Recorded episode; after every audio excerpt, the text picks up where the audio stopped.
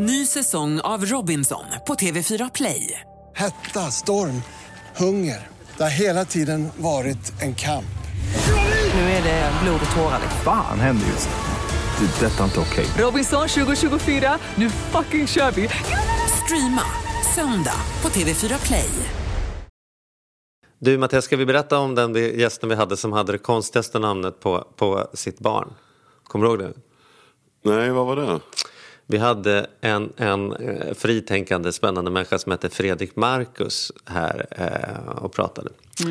Och han hade eh, en son som han hade döpt till Marcus Marcus. Hette han då. Och var allmänt Ja. känd i mediebranschen som Dubbelmackan. Ja, det är klart. Det är Ja. briljant.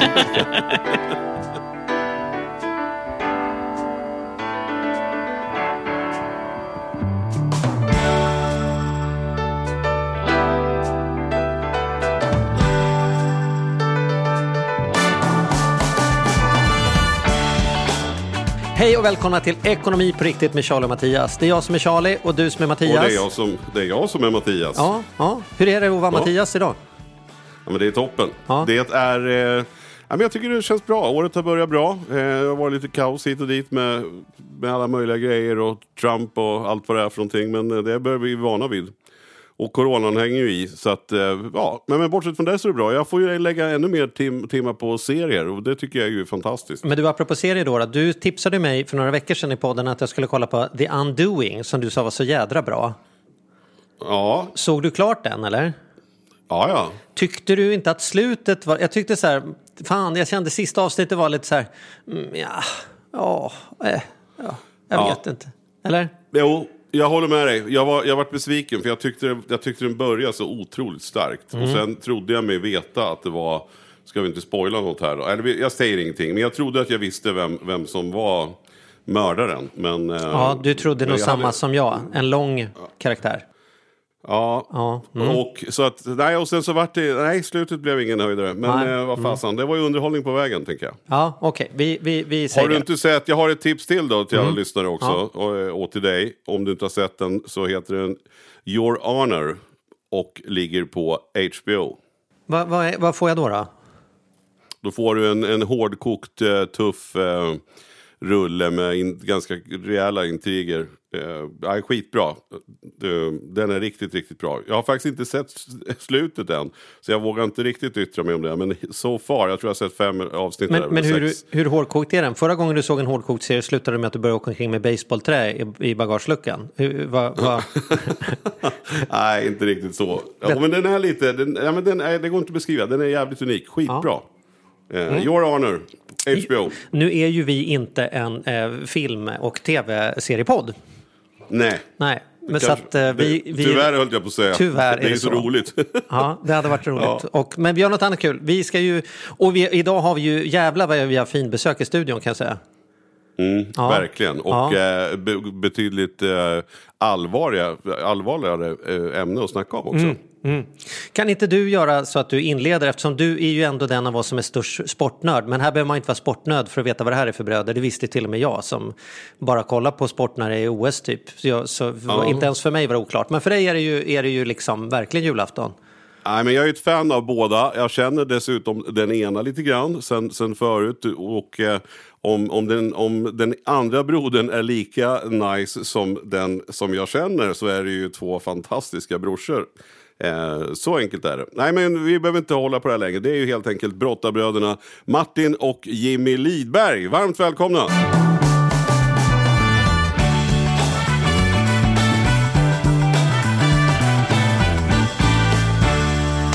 Tackar, tackar. Tack så mycket. Jag att jag försökte, jag, jag svamla in där lite grann. Men jag, jag hoppas ni förstår vad jag menar. Vi känner ju varandra lite grann sen tidigare Martin. Absolut. Du har ju varit med och förhandlat för mig till och med Mattias genom åren. Ja, just det. Ja, just aha. det. Lite ja. tv-program och Hur, grejer. hur gick det då? Ja, det gick sig? fantastiskt. Ja, jag försökte själv men sen när man kopplade in Mattias det, då, då började man tjäna pengar. Ja, ja, Ja, det är bra. ja, det är väl härligt. Men ni, ni är ju här också för att berätta. Vi är väldigt spänt, vi är väldigt spännande. Det ska bli väldigt spännande att få höra om, om, om boken. Eh, och hur det kom sig och sådär. Men ni är också på gång med, med lite träningsanläggning och grejer. Kan du inte berätta lite om det? Jo, det är väl, eh, jag och Jim har ju lite olika projekt då, men eh, det här är ett projekt som jag gör tillsammans med ett par kollegor. Så vi öppnar två stycken träningsanläggningar, eller ett sportcenter som vi säger. Och det är, de två, två första anläggningarna öppnar vi ute i Bromma nu. Och det är framförallt idrottare som vi ska förflytta och hjälpa och nå sina mål och drömmar. Så att, eh, där har vi allting i stort sett. Man ska kunna gå till ett ställe och få hjälp med den fysiska träningen, fystester, mental träning, all, blodanalyser. Är man skadad så ska man snabbt kunna få hjälp och, och, och läkare och så vidare. Så att, eh, Ekonomi, nej, förhandling. det också till viss del. ja, kanske inte, men till viss del. Försäkringar och så Ja, vidare. Det är en djungel där också Ja. för idrottare. Så att, eh, rådgivning av olika slag. Då.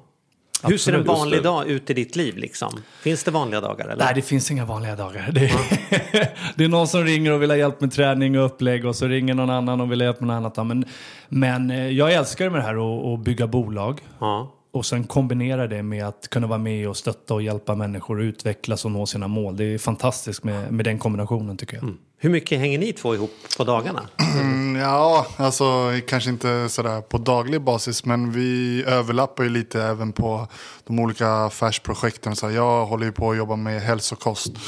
Eh, så vi öppnar vår fjärde butik nu snart eh, på Roslagsgatan och sen eh, e-handel parallellt med det. Då. Sen Vad jag, heter den då om man vill gå in och titta på Eh, naturprodukter.se. Och om jag bara ska köpa en produkt i, i, för att hålla mig fit nu, vad är det jag ska... vad börjar man? Eh, Ja, men just nu är det D-vitaminer som är... Här i Sverige det är så mörkt och lite sol så nästan alla svenskar går ju runt med D-vitaminbrist.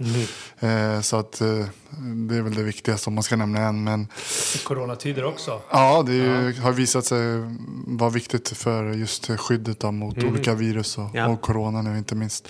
Men eh, så att, eh, ja, jag blev väl lite som Martin entreprenör direkt efter idrottskarriären. Men jag har också behållit ett ben i idrotten. Då. Så jag har jobbat eh, med Hammarby fotboll. Det har varit varierat lite halvtid upp mot heltid, lite så parallellt med, med bolaget. Då. Så att eh, jag har även en fot kvar där. Som fystränare då eller Ja, som... eh, Precis. Så att eh, det är väldigt kul att inte släppa idrotten utan man har ju så mycket kunskap där och det känns liksom som att man, man vill ge tillbaka och det finns liksom en säck att ösa ur så att det benet eh, är jag rädd om. Och, Vi vill få in brottningens pannben även i fotbollen. Ja. Det, är- Ja, det är hårt bra. Det kan behövas. Men inte greppen kanske riktigt. Nej, precis. Men, Men det vart ju det är lite si och så för Hammarby den här säsongen, eller hur? ja, den här säsongen, nu ska jag skryta lite här och passa på. Man fick ju säga vad man ville här så man fick slå sig på bröstet lite. Nej, men de två första åren som jag jobbade gick det väldigt bra. Vi gjorde ju våra bästa år sedan SM-guldet 2001. Eh, så att eh, 2018-2019 hade vi två riktigt bra år. Men i år var det lite sämre. Så att eh, vi får ta igen det nästa år. Min, jag har en tes om att, att just det här när man får spela för tomma läktare, att de stora lagen skulle kunna faktiskt drabbas mer av den känslan. För att de är vana med särskilt Hammarby som är ett sånt enormt, det är väl Sveriges starkaste publikgäng. Liksom. Att, att, jag vet inte om Malmö ligger där uppe i toppen också, det är väl fler. Men just att de här stora etablerade klubbarna som har så oerhört mycket publik och är vana med det skulle drabbas hårdare. Vad, Jo, men det, ligger ju någonting i nå- det ligger någonting i det. Sen eh, letar vi inte urs ursäkter utan vi letar ju förbättringsområden. Men det är klart att eh, någonstans så ligger något i det. Jag menar vi kom in på Tele2. Det var ju över, jag tror vi hade ett snitt på 23 000 eller någonting 2019. Det var ju alltid över alltså 25 000 pers där som skrek och sen komma in där helt tomt liksom. Det är svårt för spelarna att hitta den här sista procenten energi. Man tycker att de ska kunna göra det ändå, men det är inte så lätt. Alltså. Så det är klart att lag som Hammarby och några få till blev lite hårdare drabbade. Så att, eh, ja, det kände vi av. Ja, jag förstår det. Men vi måste ju också eh, en gång för alla också utröna nu då. Vem av er har, hade den bästa brottarkarriären? Kan ni inte skryta lite nu var och en berätta hur bra ni var? Ja, det beror på hur man ser på det. Jag tror Man att, räknar väl bara OS-medaljer, va? Ja, ja, precis, precis. Nej. Ja, Jim har ju faktiskt ett mästerskap, en mästerskapsmedalj mer än vad jag har. Stopp, stopp, två. Är det, nej, en Ja. är det väl? Nej? Okej, okej. Ja, nu fick jag det. Åtta, ja, sex. Men eh, som sagt, han kommer komma in på den andra delen. här, Så fortsätt. Så att... Eh, ja, nu måste jag börja räkna här huvudet. Jag ska räkna om på det där sen. Ja, men i alla fall. Eh, nej, men sen så... Så Jim har ju fler eh, mästerskapsmedaljer då. Men sen så har ju jag VM-guld och eh, EM-guld. Så Jimmy fattas ju tyvärr de här guldmedaljerna. Men även om jag brukar säga att han är ju egentligen den eh, moraliska världsmästaren. För att två av dem som vann VM, när Jimmy tog, en gång när han tog silver och brons, då, så uh, åkte de dit för doping senare. Då. Och inte minst så ledde han mot den ena när det var sju sekunder kvar. Jimmy. Och sen så åker Ungern dit, inte han i ren alltså på VM, men åker dit någon månad efteråt. Och då är det klart, jag menar, man börjar ju inte dopa efter ett VM så att... Eh... Ja. Nej, verkligen inte. Men eh, om, ni, om ni skulle brottas nu då, hur går det? Ja. Om, ni, om ni skulle gå upp i ringen? Ja, det blir nog en tuff batalj. Eller? Ja, Ja. faktiskt. Ja, det, det hade nog varit tufft. Nu har ju båda två, man har ju sett sina glansdagar. Så Men båda det två i sina glansdagar då? Om vi tar eh, bästa dagen på er båda. Om man hade ställt upp er på varsin ju sida så då. många år mellan oss, så vi möttes ju inte riktigt någon gång när vi var... Så nu kan du säga precis vad du vill, för vi kan aldrig, aldrig ens Nej, men om vi säger så här, vi hann ju mötas sex gånger tror jag. Ja. Martin vann ju fem av dem. Ja. Men eh, jag lyckades ju vinna en i alla fall. Och sen är han ju nio år äldre. Så. Men det hade ju varit kul kanske att mäta när båda två liksom var så här på toppen. Men det, det gick ju inte eftersom det skilde så många år emellan. Men vi var ju otroligt, alltså vi var ju väldigt, väldigt olika som brottare. Jimmy var ju den här taktikern, otroligt mentalt stark. Han kunde liksom nöta ner sina motståndare. Så mötte han en halvbra gubbe, då vann han med sina en, två poäng. Och mötte han en, en världsmästare eller olympisk kunde han vinna med en, två poäng också. Medan jag var lite mer kastmaskin, explosiv och så vidare. Och det smällde lite mer, så lite mer publikakter då kanske. Medan Jimmy var mycket, mycket mer, eh, återigen, taktisk och, och mentalt stark. Han var alltid bäst när det Får göra om det till aktiespråk. Det är som att investera i en sån här chansaktie. Ska bara åka upp och ner på börsen. Men jag var den här stabila. Vet du. Ja, nej, men det var svårt. Indexfonden. Ja, indexfonden. Liksom. För mig var det svårt, för här i Sverige så, eh, utan att försöka slå sig för mycket bröst, men så bollade man ut eh, alla. Och sen när man kom internationellt och mötte de tre, fyra, fyra eh, bästa i världen, då trodde man att man skulle kunna, man var ju van att brottas på det sättet, som en kastmaskin. Men där behövde man vara lite mer taktisk. Så det, det, det tog några år för mig att just lära mig det här och, liksom, och, och kunna stänga butiken när man leder med, med en, två, po, po, två poäng och inte behöva kasta något mer. Men eh, även, även om ni har sett era glansdagar, om de är bakom er, så ni kan fortfarande göra kullerbytta eller? Jajamensan! Volter också. Vet du. Volter. Idag, idag fick jag en utmaning. Jag skulle gå på händer 20 meter. Det Ja, är grejer det det- faktiskt ja. fortfarande. Jädrar. Ja, shit. Ja. Matt- Mattias jag kan med svårighet gå på fötter 20 meter. Men Men hörni, ni måste ju berätta om boken. Vad, vad, berätta, hur kommer det sig att ni skrev den här och nu? Och, ja, och, och varför allting? nu? Efter alla dessa år, plötsligt. För, för från utsidan känns det som om det är plötsligt som så här, oj, hade ingen aning om att det här har liksom pågått. Jag har sett det hundra gånger och har inte ens tänkt tanken på att det fanns andra stories. Vad var det som ledde fram till? Nej, men det har varit en process. Jag och Jimmy har ju... Det är någonting som vi har fått levt med i hela vårt liv i stort sett. Det som vi har varit med om vid sidan av brottarmattan. Eh, och det formade oss otroligt mycket och vi tyckte med, med allt som händer i samhället idag och inte minst allt från gängkriminalitet och utförandeskap och allting. Och vi hade också en tuff uppväxt så tänkte jag att vi tror att vi skulle kunna inspirera väldigt många människor med våran berättelse. Att se att allt är möjligt oavsett bakgrund och historia. Att det faktiskt går att ta sig, ta sig fram i livet och, och lyckas bli bäst i världen bland annat. Eller som exempel som vi lyckades med då, i vår idrott. Då. Men sen var det mer en tillfällighet. Vi, det, det var ju faktiskt, det bör, tanken började från början. att Vi satt och pratade med en författare, Sulo, som skrev boken om Lennart Johansson. Och han känner till vår far, han känner till mig och Jimmy då, och vi satt och fikade och träffades några gånger på på Lisas café, då, Lisas grabb heter det nu då, på Söder. Och han var ju jätteintresserad och ville veta mer och mer och ställde mycket frågor och, och sådär. Och till slut sa han, ni måste bara, det här måste ni berätta i bokform. Det här får inte gå i graven. Och då föddes idén och helt plötsligt, sen blev det, var det ju en process på ett par år Jimmy. Ja, nej men precis. Det var ju så på så sätt tror jag att vi började i en liten annan ände än många andra. Att, eh, vi hade ju inte tänkt att liksom paketera ner det själva utan vi satt ju mer och bearbetade. Under karriären hade också saker, när man är mitt uppe i saker så hinner man inte alltid reflektera hur sjukt vissa grejer är. Och, och allt. Så att när vi satt och pratade och när Sulo blev lite involverad där, då, då började man liksom tänka så här, shit alltså, hur fan klarade man det där? Och, och så började man liksom återuppleva allting. Så att det, det började liksom på det sättet, på något äkta sätt där. Och sen så var det ju han som ledde in oss till att det här måste ni paketera och liksom skriva. Så. Men även om det inte har varit ute för allmänheten, har, har liksom, om man känner er, känner man till detta? Om, man, om vi hade liksom, Mm. Ja, era kan säga- vänner, har, eller har det funnits någon skam eller liksom att inte människor ska veta om detta? Har det funnits någon oro för att det ska komma fram? Eller liksom... Jag tror så här, alltså det jag har märkt efter boken det är att såklart de som har varit oss närmast, vänner och liksom eh, yttre familj, släkt och sådär. Den innersta kärnan såklart känner ju till. Men de andra de har ju känt till fragment och sådär. Men det är först nu de liksom har kunnat pussla ihop ett och ett. Och så är det många som har ringt och hört av sig. Nu förstår jag liksom det här och det här. Men vi höll ju väldigt mycket inom oss själva. Och det tror jag beror på, vi har pratat om det tidigare också, men dels lite skammen.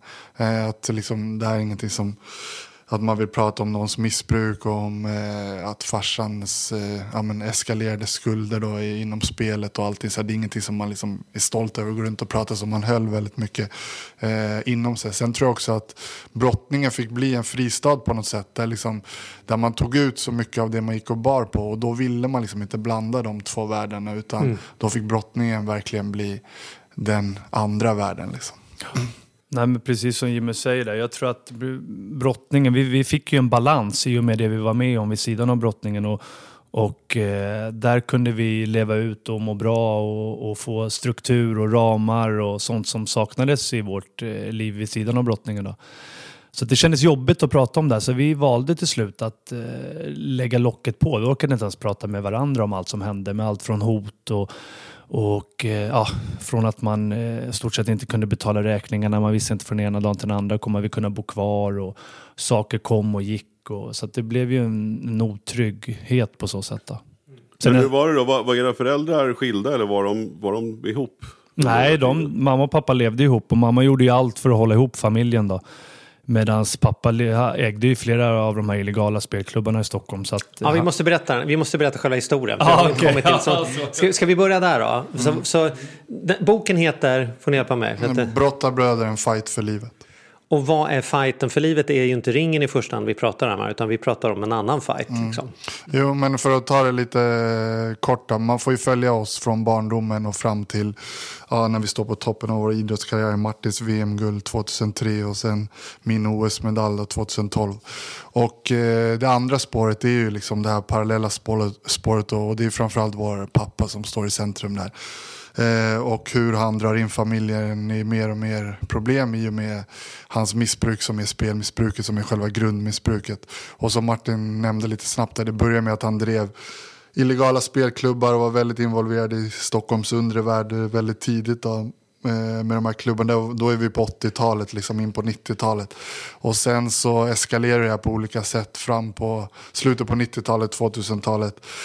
Eh, då det byggs upp enorma skulder och skulder som säljs till kriminella och vi blir indragna och ja, eh, jagade och han måste gömma sig. Och det, det, alltså, det blir en soppa av allting, ett korthus som rasar mer och mer. Så det är två parallella spår kan man säga i boken som knyter ihop eh, våra liv och allt det vi har varit med om. Eh, och som är liksom den här balansen däremellan. Att det som gjorde oss stark vid sidan om kunde vi på något sätt ta ut i brottningen. Så att, han har lyckats väldigt bra också, våra medförfattare måste jag säga. Theodor Lundgren, ja. Ja, precis. För att han har lyckats knyta ihop det här som liksom från det vi har berättat till att göra liksom det i en berättarform så att det blir väldigt spännande att följa med. Och eh, utifrån mitt perspektiv och utifrån Martins perspektiv och det skiljer ändå nio år mellan oss. Så att, Så kapitlerna hoppar ju mellan mig och Jimmy. Det har ju inte varit en lätt bok att skriva där vi tre tillsammans har skrivit den här och skickat ljudfiler och han har intervjuat oss och vi har skrivit, han har skrivit. Eh, men Theodor tog ju vår historia så verkligen till hjärtat. Och eh, det var ju en förutsättning att vi skulle orka berätta och saker som man liksom har förträngt, som man helt plötsligt kom upp till ytan. Eh, så att för oss blev det ju samtidigt en, en bearbetning och jag kände att jag och brorsan kom varandra ännu närmare när vi kunde liksom börja snacka om det här som vi inte har kunnat prata om tillsammans och genom åren. Då. Sen ska man ju nämna en sak till också. Sen var ju tajmingen också lite eftersom eh, när det var som eh, värst där med pappa då var ju han hotad till livet eh, från flera håll och sådär. Men sen så vi har ju inte velat liksom kanske gå in på exakta detaljer men vissa delar löste sig bland annat genom en finansiär som gick in och löste vissa skulder och Martin hjälpte till på vissa sätt. Och så, så att vi fick det här till slut att liksom så här, eh, lugna ner sig det som var liksom så här, eh, verkligen eh, ja, men på nålsögat liksom, där han levde liksom varje dag som om det kunde vara den sista. Så att det när han fick landa lite i det där och han började ta tag i sitt missbruk för första gången eh, genom missbruksenheten här i Stockholm och genom att mamma faktiskt lämnade han till slut så att han studsade på botten. Så när vi kom fram då 2018 när vi började skriva boken då kände vi att det var rätt timing också att vi hade det här ganska långt bakom oss, i alla fall den värsta delen. Sen, sen kommer ju farsan vara skuldsatt ändå liksom resten av livet och det är vissa saker han kämpar med än idag. Men, men han har gjort en jävla resa och då var det också rätt timing på så sätt att, att kunna släppa boken. Det hade inte varit möjligt 2012. Hur, hur, mycket, har ni, hur mycket relation har ni med pappa idag? Är han liksom en del av ert liv? Ja, vi har en relation med, med, med, pappa idag. Jag tror att eh, jag, det, vi skriver om det här i boken också, men jag blev ju mer, jag blev ju medberoende med farsan. Jag åkte hans berg och dalbana som vi skriver om i boken, medan Jimmy eh, blev mer aggressiv och förbannad och bitter och sa vi, vi måste klippa banden, han förstör våra liv.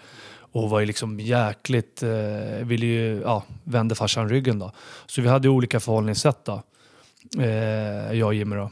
Men idag har vi kontakt och jag har väl haft en lite kanske närmare kontakt med farsan. Då. Men nu också i och med boken så var det en stor besvikelse för honom i början också. Att vi ska lämna ut det här och varför och, och så vidare. Men eh, nu har det landat väldigt bra även hos honom. Och vi sa att du kommer att få upprättelse. Folk kommer att förstå. Alla människor som du har gjort illa och skadat på vägen och blåst genom olika affärer och så kommer fler och fler förstå varför det har hänt. Man måste skilja på en person som har ett missbruk och, och den grundläggande personen. För det här är en fantastiskt fin och godhjärtad människa i grund och botten. Men som vi vet med alla missbruk så får den fram djävulen igen vad var det för typ av missbruk då? Var det alkohol eller var det andra droger? Spelmissbruk. Eh, och det som... Eh, men sen så är det ju sådär att när du har sådana otroliga skulder, folk jagar en och ska ha ihjäl en, då till slut så ofta så vandrar missbruk över till någonting annat. Så från ett spelmissbruk så blev det även alkohol matmissbruk och så vidare. Då, så att, eh, men eh, det är spelmissbruket som är det grundläggande och det är ett fruktansvärt missbruk. Men om man skulle beskriva själva missbruket, så här, liksom, om man ska försöka sätta sig in i huvudet på en spelmissbrukare, vad är det som vad är, det, vad är det som driver? Vad är man, alltså, vad... Jag kan ge ett exempel där. Det är ju egentligen dopaminkickar som man söker.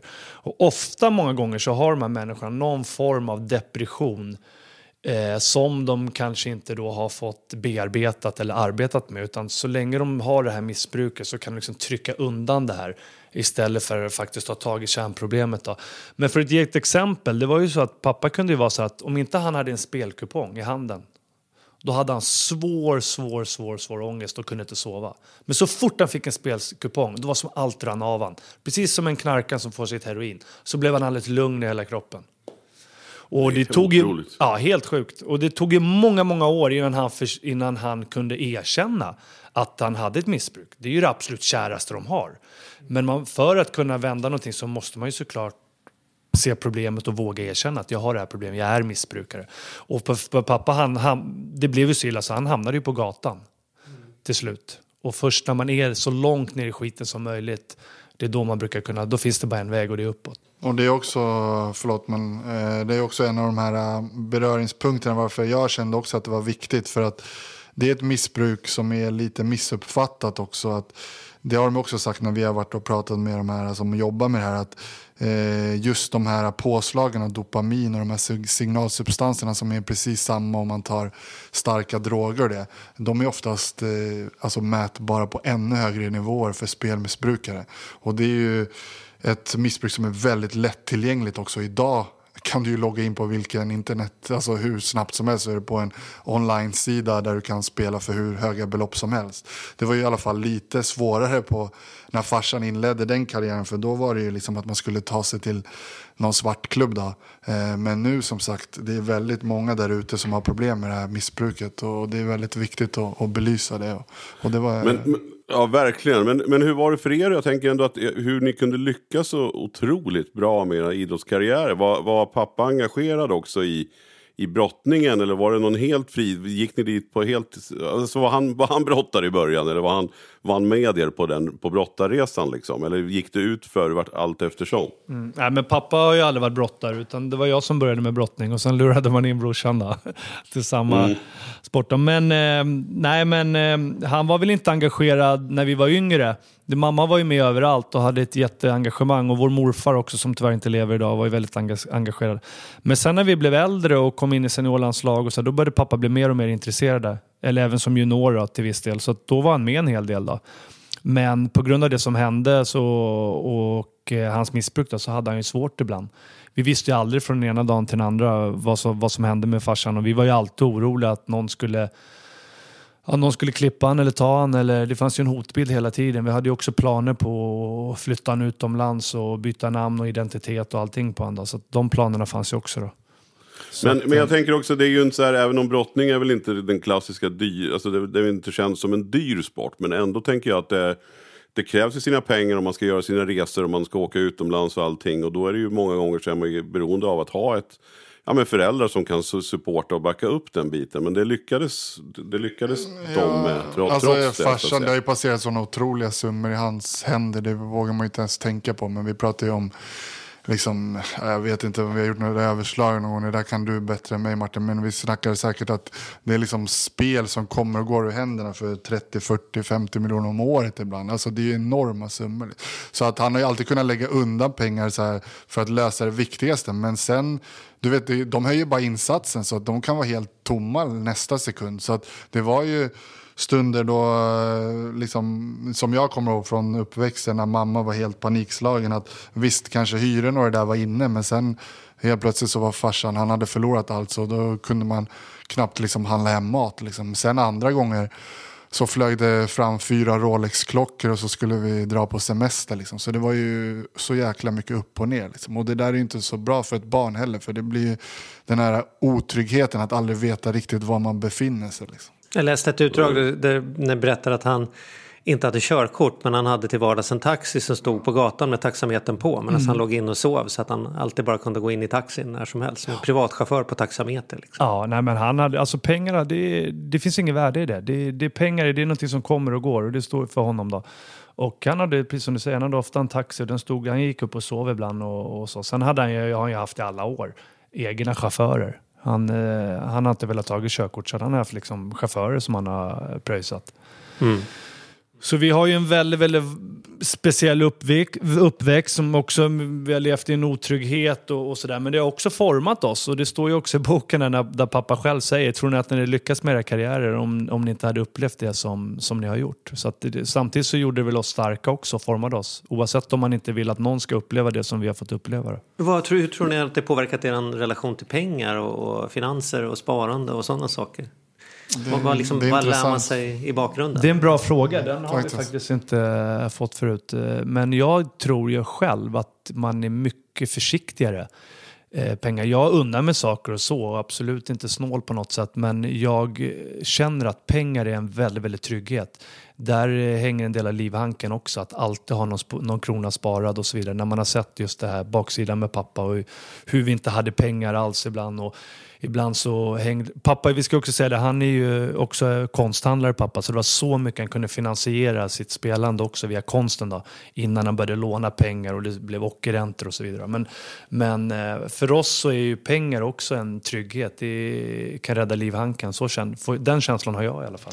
Jo men det är som Martin säger, farsan är, alltså, det är lite också därför eh, den här boken har ju han som en av huvudkaraktärerna hela tiden. Och han var ju verkligen en, eller är verkligen en karaktär. Han är, är otroligt duktig på det området, konst. Han är, anses ju vara Sveriges bästa eh, konstkännare och konsthandlare. Så han har ju ägt en del gallerier och jobbat mycket privat. Och, han har ju liksom genom åren det har ju passerat eh, ja, de allra de största konstnärerna i världen. Det och med Chagall, Picasso, vi har hela möjliga hängt hemma hos på våra väggar. Så, så att eh, där är Det är väl inte för inte man, man kallas för Tavel-Tommy? Taveltompa, ja precis. Precis. Ja. Tavel-Tompa, ja. Men det är det som är så surrealistiskt. Med ena dagen kunde man sitta och förhandla med, jag, eftersom jag blev så mycket indragen, Jim också gör såklart, men, men jag kunde ju sitta ena dagen på, på Östermalm bland, bland eh, Claes Måser och Kjelle Klang och de största konsthandlarna. Och så satt jag där och förhandlade med dem. Farsan hade lånat pengar och så vidare. Det var tavlor som hade försvunnit och så vidare. Och nästa dag satt man med kriminella ute i förorten och liksom försökte rädda livhanken på farsan.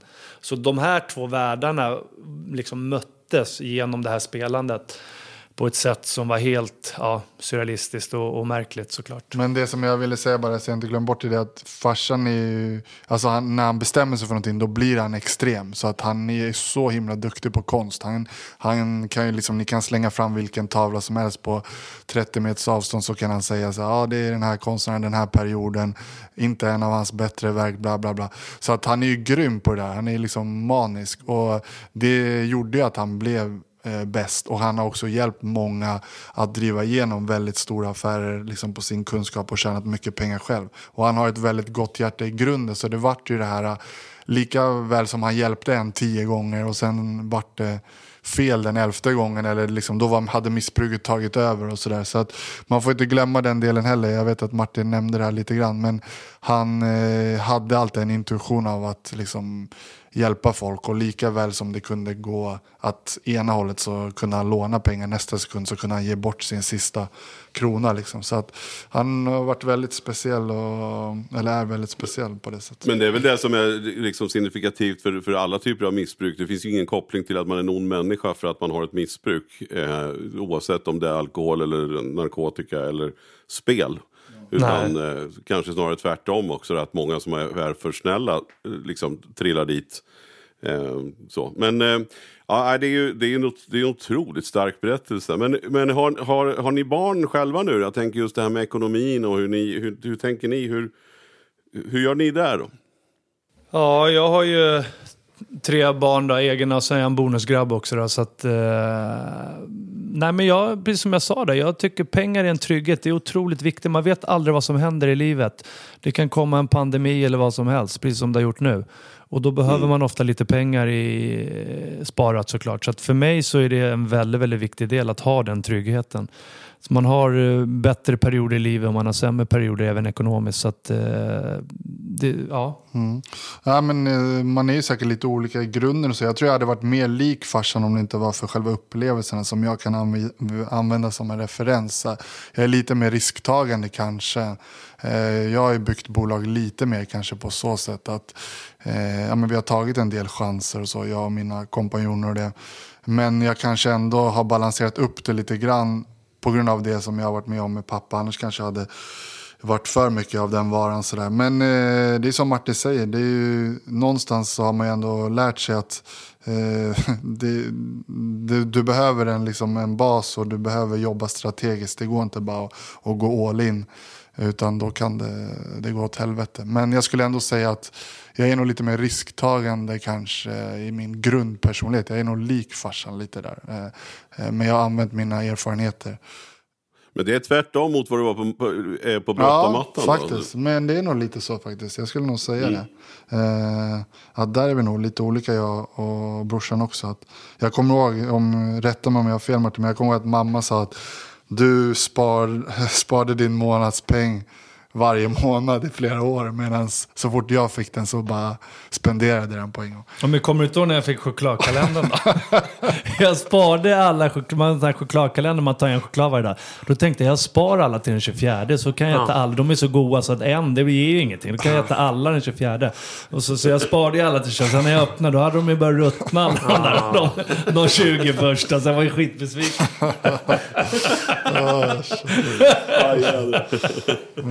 Ja. Så att, nej men jag har alltid undan med saker och alltid faktiskt någonting att framförallt mat och äta gott och sådär. Det har jag alltid varit noga med. Aldrig snåla in på sådana saker. Men, men däremot så, så vill jag ha en buffert. Till, ja, det finns alltid en viss oro. Jag vet att det kan komma tuffa tider. Och pappa var ju så, han kom ju hem med, han kom hem med bilar, han kom hem med landställen. Men vi lärde oss att det där är snart bortspelat. Så det fanns där, ibland några dagar, ibland en vecka och sen så var det borta. Ni- Du, ni, I boken pratar ni om det som det till och med att, att ni känner igen er att ni har en liknande, alltså det finns en fara för att man bär på missbrukargenen. Som att man hittar olika typer av liksom, Ja, men vi- behovet av den där kicken. Känner ni er själva som så att säga, nyktra missbrukare inom annat eller att ni kunde varit likadant på att ni hittade något annat kanalisera det till? Är det en gen? Ja, men vi, det är så vi brukar uttrycka det. Vi känner det, både jag och brorsan. Det finns en viss, ett visst eh, risktagande och vi får kickar av olika saker. Vi vill ha de här kickarna. Men, och framförallt det här dopaminpåslaget. Och det känner vi, det fick vi genom brottningen. Och framförallt genom att träna extremt hårt. Och vår tränare sa många gånger, som hade varit i många olika länder och varit tränare där, Ryszard Svirad från Polen. Eh, sa det att jag aldrig sett någon som tränar så hårt som er. Så att, eh, och han eh, också implementerade det, det tänket i, i vår klubb. Då, så vi blev väldigt framgångsrika i spårvägen. Då. Men eh, det vi, ja, vi Det är lite- beroende av de kickarna. Nej, men lite det här uh, mentala, att inte sätta upp mentala spärrar för sig själv. Det är ett allmänt bra råd sådär. Men jag tänker på det också många gånger så som du nämnde där när vi fick den här polska tränaren. Då, han höjde ju ribban liksom från där vi hade tränat innan till en helt annan nivå. Men eh, han liksom, först så eh, berättade han med att säga att så här, det är så här de andra som jag har tagit till VM-guld tränar. Liksom. Ja, då, då trodde man ju på att det är så här vi ska träna. Och sen när vi väl tränade så hårt så började han implementera nästa grej, eller mata oss med nästa grej. Att liksom så här, nu tränar ni bäst i världen, det är ingen som tränar så här bra. Och den styrkan tog man ju med sig när man kom in sen på VM och OS och sådär. Eh, då bar man på den känslan att det är ingen som är så bra förberedd eh, som vi är. Så att eh, då, det mentala... Ja, men- ja, häftigt att höra. Men, sen tänker jag också då, det är kanske en dum fråga. Har ni själva spelat på trav? Ja, det har man gjort. Men på, alltså, det är klart man har spelat en del genom åren. Och det, men det har ju varit på liksom en, en normal nivå. Att man, man har varit med någon gång och lira och för en normal summa. Men när du har ett missbruk, då spelar du ju mer än vad du har råd till än vad som är bra för dig. Men det vore inte konstigt med en uppväxt om man blir som om man som en alkoholist till exempel. Nej, jag har aldrig rört en droppe, jag har sett vad det där kan göra. Så hade det också kunnat vara som, jag har inte ens liksom, kört en poker med kompisarna. eller. Men eh, för er har det inte varit som att ni har associerat att det är själva spelandet, som att ni skulle trilla dit bara för att dra en V75-rad. Återigen, Nej. jag tror jag får lite mer kickar kanske än vad Martin får. Men jag har lagt band på mig där också. Jag, alltså vi, ingen av oss har hamnat i att spela för, liksom, över vår förmåga. Så där. Men jag tror jag, jag tyckte det var jävligt kul att så här, följa med på travet. Och jag tyckte, eller jag tycker fortfarande att det kan vara kul att spela kort och poker med po- polarna, gå till kasinot eller sådär. Men så jag vet inte, jag tror att i, om jag utvärderar mig själv så tror jag att hade jag inte sett allt som hände med pappa så hade jag nog kunnat falla dit eh, på spelet. Alltså det ligger lite inne i min natur. Eh, men eh, ja. Ja, men jag tror just det här att man har en viss, man har en viss oro eller någonting i kroppen. Man är alltid på väg. Man liksom, det är någonting och man behöver de här kickarna. Som när vi tränar extremt hårt och tuffa pass, då får man det här lugnet. Och man har ju sett att de här dopaminkickarna sitter i kanske en fyra timmar efter ett riktigt hårt pass. När man tittar på endorfinpåslaget så har man sett att faktiskt brottning är en av de idrotterna där det frigörs absolut mest endorfiner. För det krävs hudkontakt, hård fysisk träning och gärna lite smärta för att det här ska frigöras. Då. Så, att, eh, så det, är, det är en kick som man är i stort sett beroende av skulle jag vilja säga. Ni var inne på att ni tacklade den här situationen lite olika. Du var lite mer så här, nu får vi sluta stödja det här. Och du var lite mer, vi måste hjälpa människan bakom här. Vad skulle ni ge för råd till den som lyssnar och har någon i, i sin närhet där man börjar misstänka eller oroa sig för en missbrukssituation? Att det är som så här, fan vad är det egentligen som pågår? Det här, ibland träffar jag hela mannen och ibland träffar jag någon annan variant som jag inte riktigt känner längre. Liksom så. Nej, hur, hur, hur reagerar man? Vad skulle ni ge för råd om någon kommer till er och säger Nej, "Jag men det gäller att ställa pappa är det." krav. Det gäller att vara stenhård. Det, en person som har missbruk, de gör allt. De ljuger och de gör allt för att manipulera och de är ofta väldigt duktiga på det här. Så att det gäller att verkligen stå på sig. Och sen såklart få personen själv att erkänna att, att man har ett missbruk. För först då kan man göra en förändring. Om du inte anser eller, eller tycker att du har ett, ett problem, då, då är du inte beredd att heller att göra någonting åt det. Så det som, jag har ju varit med pappa väldigt mycket på missbruksenheten och så vidare och suttit hos psykologer och när han har fått sin behandling och så vidare. Och det är ju alltid steg nummer ett. Och sen våga släppa taget. Det var ju precis som psykologen sa. Er mamma, hon hjälper er pappa i sitt missbruk. Han har någonstans att bo varje dag. Hon lagar mat åt honom varje dag. Du till och med Martin förser honom med pengar till och från. Som ska gå till skulder men det går till spel istället. och så vidare. Så att inte förrän vi släppte taget och han hamnade på gatan, för han hade ingenstans att bo. Vi hittade honom på en pizzeria i Farsta till slut och där lyckades få hem han till, eller jag och brorsan då, till vår farmor. Och han kunde bo där under en längre period. Då. Vet inte, vad blev det? Ett och ett halvt år eller något sånt där. Först då var han villig att faktiskt ta tag i sitt problem och erkänna för första gången att jag har ett missbruk. Och det är tufft det här, för det här är ofta karaktärer, de är starka personligheter ändå och de säger nej, nej, jag är inte är du dum i huvudet, ja, det här stämmer inte, jag har inte spelat, det är ni som är sjuka och så vidare. Det är lätt att man faller för det där. De spelar ju på ditt samvete liksom. Det är ju som, när Martin, som Martin säger där att eh, går det så långt att man måste ta till det här, släppa taget. Då är det ju, det, det, alltså det skriker ju emot ens liksom hela väsen. Att man vill ju egentligen inte själv göra det fast man förstår som anhörig att det kanske är bara det man måste ta till nu. Men då spelar de ju på ens egen samvete hela tiden. Och, och liksom, det, det, så det är väldigt svårt. Men jag tror, han, jag tror Martin nämnde de viktigaste delarna här nu. I alla fall eh, vad vi har lärt oss på den här resan. Att först konfrontera eh, och få dem att och liksom, och ställa krav på dem. Och, och verkligen liksom vara tydlig och det. Och sen, eh, ja. Och att det får konsekvenser. Om de inte är beredda att göra en förändring så kommer det få konsekvenser. Då åker du ut härifrån eller vi kommer inte leva tillsammans. Eller det, det är det enda sättet och hur ont det än gör. Och för mig, jag var ju den som hade svårast att släppa taget. Och jag tänkte, det var ju därför också, det står ju i boken när jag och Jimmy ryker ihop, he, re, re, rent eh, handgripligt. Där vi i stort sett eh, suger tag i varandra och dunkar upp varandra i väggarna i Gamla stan där vi bodde då på den här tiden. Och eh, Jimmy säger du kan dra åt helvete, det är bara farsan som gäller. Vi måste släppa tag, jag skiter han förstör våra liv. Medan jag skriker till för Jimmy att vi han har bara oss. Ska vi låta vår egen farsa dö? Och där, där vi glider ifrån varandra. Och det är ju väldigt starkt i boken där man kan läsa om att Jim har ingen aning om om vi befinner oss på OS. Och så hör han när han går upp på OS och ska upp och, och, och kriga om medaljen, den enda medaljen vi fattas, hur han hör våra röster, min och farsans, när vi skriker där på läktaren. Och han känner att han får liksom en inre kraft av det där. Det är jäkligt starkt i boken faktiskt. När ni, läser, när ni läser boken Mm. själva, liksom, hör er egen röst från utsidan. Ni var ju inne lite på att man tänker så här, fan, hur mycket har jag trängt undan eller hur kunde det vara? Men hur, hur var det, finns det ett ögonblick som var eran botten liksom? När ni var som räddast eller tuffast eller liksom, på vilken sida hittar man det när ni själva är som Det var så här, kanske hur fan ska det här olika, gå?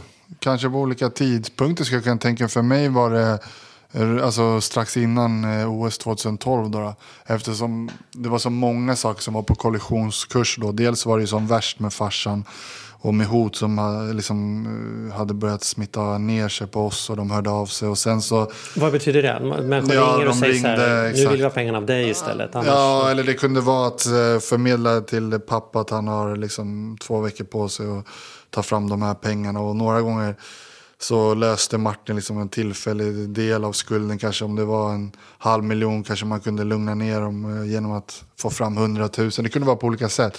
Men att de började ta det genom oss. Innan hade de ju bara, men farsan bytte ju nummer hela tiden och sådär. Så dels det, men sen var det ju också, jag hade en liten ettåring, nyfödd eh, och samtidigt skulle jag eh, satsa till, till OS. Så jag hade faktiskt, eh, jag gjorde sömnundersökning då, jag hade över 60 uppvaknanden per natt i flera, jag tror det var nästan ett helt års tid. Och jag var ju helt under isen liksom. Och samtidigt så hade jag min livs viktigaste tävling. Så eh, det, det är ändå så här, i efterhand var jag väldigt stolt över att jag ändå kunde prestera på OS. Så det var väl det tuffaste. Eh, och sen när jag landade efter allting då, då åkte jag ner också i en form av depression. För då tror jag, då klev jag ur den här bubblan. Och liksom så här, helt plötsligt när man liksom, det brukar vara så när man väl får landa lite grann. Då brukar de andra smällarna komma. Så att, där hade jag mina värsta år 2011, 12, 13 då. Eh, så jag vet inte exakt hur det Ja, jag hade tidigare, skulle jag vilja säga. Det var ju... Jag bestämde mig för att gå upp en viktklass och försöka göra det som kanske ingen annan tidigare riktigt hade lyckats med. Att gå från mellanvikt till lätt tungvikt och bli världsmästare. Och fick många gånger höra att det här skulle vara omöjligt och så vidare. Men samtidigt så gick jag också igenom en separation. Jag hade två små barn jag skulle ta hand om. Då. Och sen så bar jag farsan på mina axlar i stort sett dagligen. Och farsans missbruk eskalerade hela tiden. Då. Och farsan var väldigt självmordsbenägen också. Och hotade med att han skulle ta livet av sig och så vidare. Då. Så att... Eh, och då eh, tränar jag stenhårt två pass om dagen då och ska försöka bli världsmästare. Jag ska vara en bra familjefar och ta hand om mina barn. Jag ska ta hand om farsan. Och det slutar med att jag sitter på ett plan och ska iväg till Ungern på Ungerns Grand Prix. En tävling. Och eh, känner att jag börjar svettas. Svetten lackar och jag känner att jag börjar må illa. Jag måste kräkas. Vi, vi står på Arlanda och vi har inte, re, vi har inte lyft planen ännu. Och jag säger men jag måste resa, min tränare sitter bredvid, jag måste, jag måste kräkas, jag måste resa mig upp sa jag. Och så ställer jag mig upp, sen svimmar jag. Allting svartnar. Sen vaknar jag upp i ambulansen, då har jag så här elektroder över hela kroppen. De trodde först att det var något med hjärtat då, så då tar de mig till Karolinska sjukhuset och sen så gör hjärnröntgen och gör massa olika tester. Jag hade ju krampat det ganska länge inne i planet där. Eh, och då så, eh, ja, så säger läkaren, hon, pratar, hon bara, jag vill prata allvar med dig Martin, så säger hon till mig, du är helt utpumpad både fysiskt och mentalt. Och jag tycker du verkligen ska åka hem och fundera över ditt liv, om du verkligen ska fortsätta idrotta eller inte. Så där var ju verkligen min, och det står ju, det står ju en del om det här i boken också, så där var väl min värsta, värsta tid. Och jag, Det var 2001 eller? Nej, det var 2002 där. Ja, 2002. Så, då, eh, så där hade jag ju... Sen tog det nästan ett år för mig att ta mig tillbaka igen. Då. Jag hade yrsel dagligen och när jag började tänka tillbaka, fast jag hade inte så. Jag sov ju bara en, någon timme per natt. Hjärtklappning, åkte och hämtade och lämnade barnen, åkte som en ill för, för, träning fram och tillbaka, ringde runt och försökte lösa farsans grejer. Så att eh, när man tänker tillbaka, vilket sjukt liv man Men levde, är, att man ens lite, orkade. det är lite komiskt på något sätt också, eller lite så här fascinerande ska jag säga. Att när man tänker på de här delarna, eh, så här, och ibland som jag sa inledningsvis, när man är mitt uppe i det, då tänker man inte på hur sjukt allting är. Men om man får lite distans, och så här, hur stark ändå kroppen är. att så här, Tänk dig att Martin hade sin värsta period och han blev världsmästare typ ett år senare eller ett och ett halvt år senare. Så på något sätt så lyckas man liksom hitta någon jävla urkraft ur det här. Och från att liksom, eh, när man känner att man mår som sämst. Och samma sak för mig egentligen där ju. 2012 att jag lyckades eh, prestera där när jag mådde som sämst. Mm, tar din OS-medalj. Ja, så det är ju väldigt fascinerande hur kroppen fungerar och hur det mentala ändå fungerar. Att, att ur det här så finns det någon liksom kraft som man kan hämta. Liksom. Och där står ju också i boken att när jag berättar för Jimmy, han blir ju väldigt ledsen när jag berättar att jag ska avsluta min karriär och jag orkar inte längre. Och jag hade haft ett jäkla skitår där 2004. Även Micke Ljungberg, min, min fina idrottsvän, hade tagit livet av sig. Och jag säger jag orkar inte, jag lägger av nu. Och jag säger till Jimmy att nu lämnar jag över stafettpinnen till dig. Vi har en medalj vi fattas i familjen och det är den där OS-medaljen. Och jag kommer att stötta dig 100% och Jimmy krigar då fram till 2012. Från att han har missat att ta sig till OS 2008 och så tar han sig hela vägen till 2012 och så tar han den där bronsmedaljen och det är otroligt starkt. Så att det, ja. Vilken, vilken historia alltså. Helt otroligt. Fantastiskt att höra. Och vilka krigare ni är, måste man ju säga. Det är ju... Ja, det är, det är fascinerande. Otroligt fascinerande. Och inspirerande, ska jag säga. Sen är ju boken, alltså det är ju mycket, nu när vi pratar om det, det, visst, det är mycket mörker och så här, men vi ska ju också för att lätta upp allting, vi har haft fantastiskt roligt och brottningen blev ju våran fristad. Vi hade våra vänner, mycket glädje och resor och så att eh, just den här, jag tror att den var otroligt viktig för oss att få den balansen, att orka. Det vi var med om vid sidan, att brottningen blev våran fristad där vi liksom kände oss starka och där vi var, kunde prestera. Och Det är också ett tips till alla lyssnare som går igenom tuffa perioder. Att liksom hitta en miljö där man känner att här att man får utlopp för de här grejerna. Både kanske det här på något sätt, liksom, det kreativa, det kan vara mentalt eller fysiskt eller båda delarna. Också en miljö med, med vänner som är liksom inte så ihopsvetsat med den här andra miljön. Liksom när vi kom till brottningen, det var ju inte så många som kände våra familjer och farsan och så. Utan det är ett bra tips tror jag, att hitta liksom sin hobby eller någonting annat som man satsar på. Eh, och verkligen ta sig dit. För att det kan hjälpa en att ta sig igenom eh, tuffa perioder. Sen vill jag också bara säga det att, att farsan har ju gjort en fantastisk resa och det tycker jag också inspirerar mycket i boken. Att liksom vara där nere i skiten och där man trodde det finns ju, han kommer aldrig ta sig ur det här. Hur ska det vara möjligt? Hur ska han ta sig upp igen? Och alla som jagar och så vidare. Men att lyckas ta sig tillbaka igen och göra den resa han har gjort. Han hade något återfall då för några år sedan då, men, men som blev inte så långvarigt, något halvår. Då, men, men annars varit spelfri då, och eh, vi har lyckats skriva av och, och löst många, alla de skulder där det fanns en hotbild och allting. Sen kommer han ha skulder resten av livet men det, det, han jobbar och kämpar och, och betalar av så att eh, han har gjort en otrolig resa också. Ja, häftigt. Ja, det var otroligt inspirerande att höra er, eh, tycker jag. Och vart, om man ska köpa boken då? Vart, går man, är det liksom, vart, vart rekommenderar ni? Ja, den finns överallt där man köper böcker, bokhandeln och ja, all, det finns ju även på ljudbok och där har vi faktiskt spelat in den själva. Vi ville ju, både jag och Jimmy var, ja, både jag och Jimmy, nej vi måste ha kända eller författare, duktiga då, som är, som är duktiga på att läsa in böcker. Nej, nej, ni ska göra det själv, det blir mycket mer personligt sådär. Så att det blev lite en strid men vi bestämde oss för att göra det och vi, det landade väldigt, väldigt bra. Det blir väldigt personligt också när man hör eh, Jimmy läser sina kapitel, det han var med om och jag läser mina kapitel. Då. Så den finns även på ljudbok då. Så den finns Ja, på kul. Storytel och alla de här. Du måste ju säga vad den heter en gång till ifall man missade det i början. Brottabröder, en fight för livet. Ja, jädrar. Snyggt. Men eh, det vi kanske nämner lite snabbt, det projektet som vi håller på med nu, det är ju filmprojektet. Så vi får ju se. Eh, ja, den innehåller ju alla delar liksom, som de verkar gilla. Så det har ju varit flera regissörer som har varit intresserade och sådär. Så att det är ju alltid ett långt eh, projekt att göra film. Men eh, det är jäkligt kul och det, vi är jättetacksamma att det är så många inom den branschen som har hört av sig. Och nu har vi börjat hitta vårt team som känns rätt att jobba med. Så att eh, förhoppningsvis blir det film en dag också. Så där- Brottabröder. Skulle man, skulle man kunna bli lovad en, en biljett i premiären på filmen då? Ja, det är klart. Jag trodde, jag trodde du skulle vilja bli lo, lo, lovad en statistroll i bakgrunden någonstans. Mattias, du kan få välja om du vill spela mig eller brorsan. Men du måste lära dig brottas lite också. Ja, visst ja. Den lilla detaljen. Ja, det är ja, bra. precis. Ja. Nej, men härligt. Vad härligt det var att träffa er Ja, boys. verkligen. Tack så jättemycket för att ni kom. Ja, detsamma. Tack för att vi fick komma. Ja, jättekul att vara här.